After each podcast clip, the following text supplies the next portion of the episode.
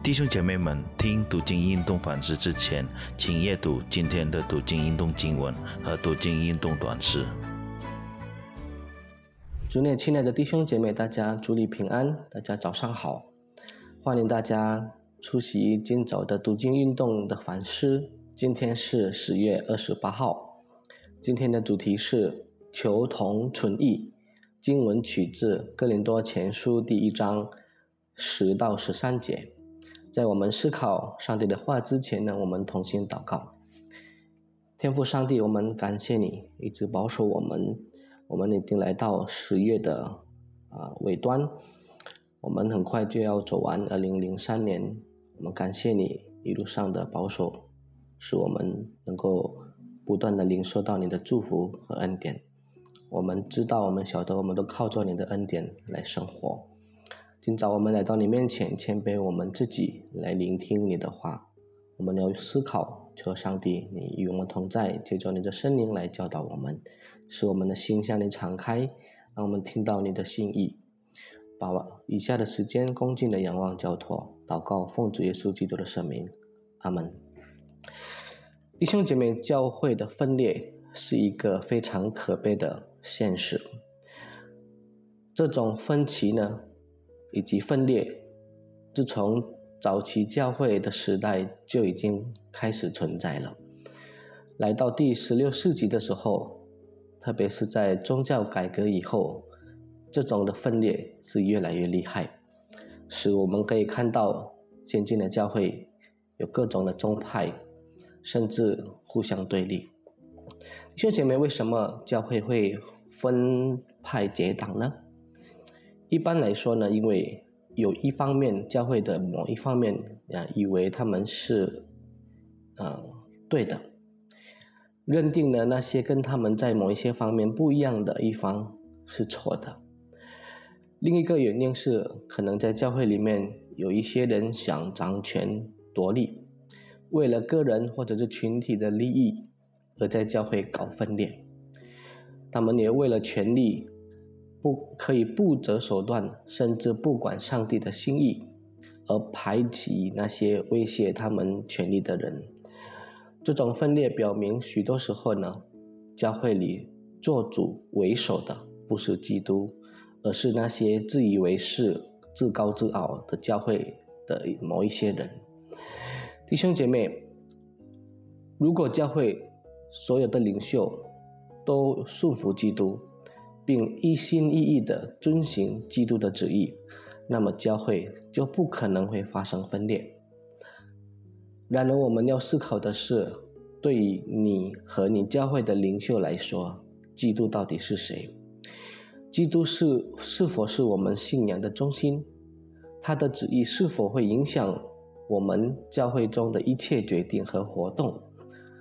当意见有分歧的时候，基督是否成为团结的动力，以致在各种分歧中，我们都能够以基督的心为心？在早期教会的时代，哥林多教会就发生分派结党的事。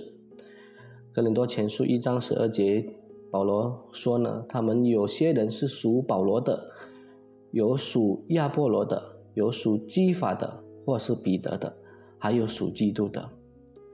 对于使徒保罗来说，四个互相竞争的团体的存在，确实令人难堪。因为每个基督的追随者理应把基督放在首位，并遵守他的旨意。弟兄姐妹意识到自己的有限性，并愿意接受差异，是维持基督教会合一的关键。我们的理解力是有限的，因此意见分歧在所难免。在第一世纪教会的历史中，我们会发现使徒保罗和巴拿巴对曾经离开团队侍奉的约翰马可在态度上存在尖锐的冲突。我们可以参考《使徒行传》十三章十三节，还有十五章三十五到四十一节。他们各有立场，守着自己的意见，导致他们无法在同一个团队里侍奉。不过，就算道路不同，他们也不相为敌，还是彼此尊重。使徒保罗在晚年的时候，也对约翰马可的态度也发生了巨大的转变。我们可以看提摩太后书四章十一节：“您是否将基督和他的旨意处于你建立势力和赢得他人尊重的愿望之上？您是否尊重与您不同、与属于其他教会的基督徒跟随者吗？”弟兄姐妹，看到现今教会的情况，我们有时候会感到痛心，更何况是那位教会的首、教会的主，也就是主耶稣基督。他曾经在约翰福音十七章呢，向天父祷告的时候，再三的强调，求上帝、天父上帝给门徒们，也就是给教会，有合而为一的、会合而为一的心。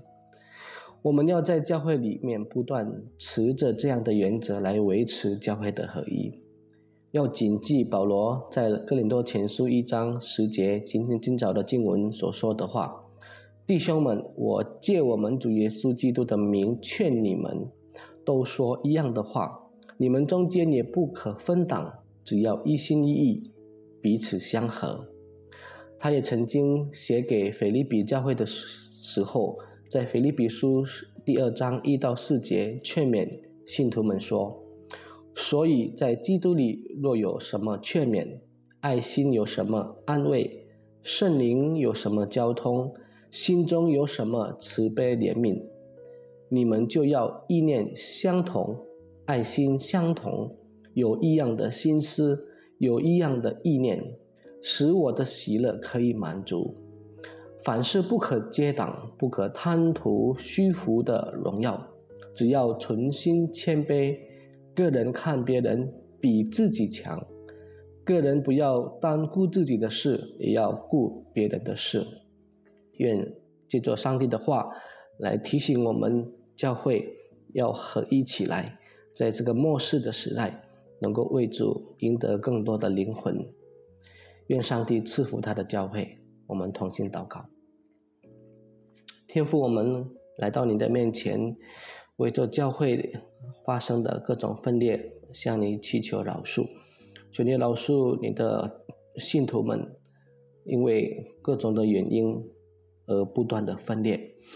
他们教会没有谨记主耶稣的这个心意，就是要教会能够合而为一。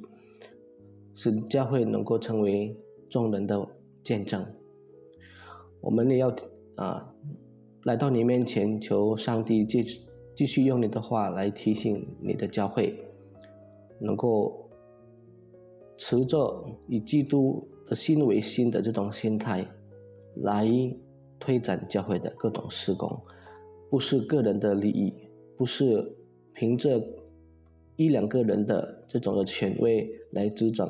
执掌教会，乃是要让整个教会能够合一起来，为你做更多荣耀你的事情。我们把你的教会完全的交托，求上帝你继续的怜悯施恩，也把我们自己啊是教会一部分的，完全交在你的手中。求你使用我们，让我们能够在教会里面不断的啊来传发这种合一的心。我们把我们自己的生命完全交托，求上帝你继续的带领，祝祝福我们的啊家庭、我们的事业、我们的工作，赦免我们一切的过犯，祷告奉主耶稣基督的圣名，阿门。谢谢大家，再见。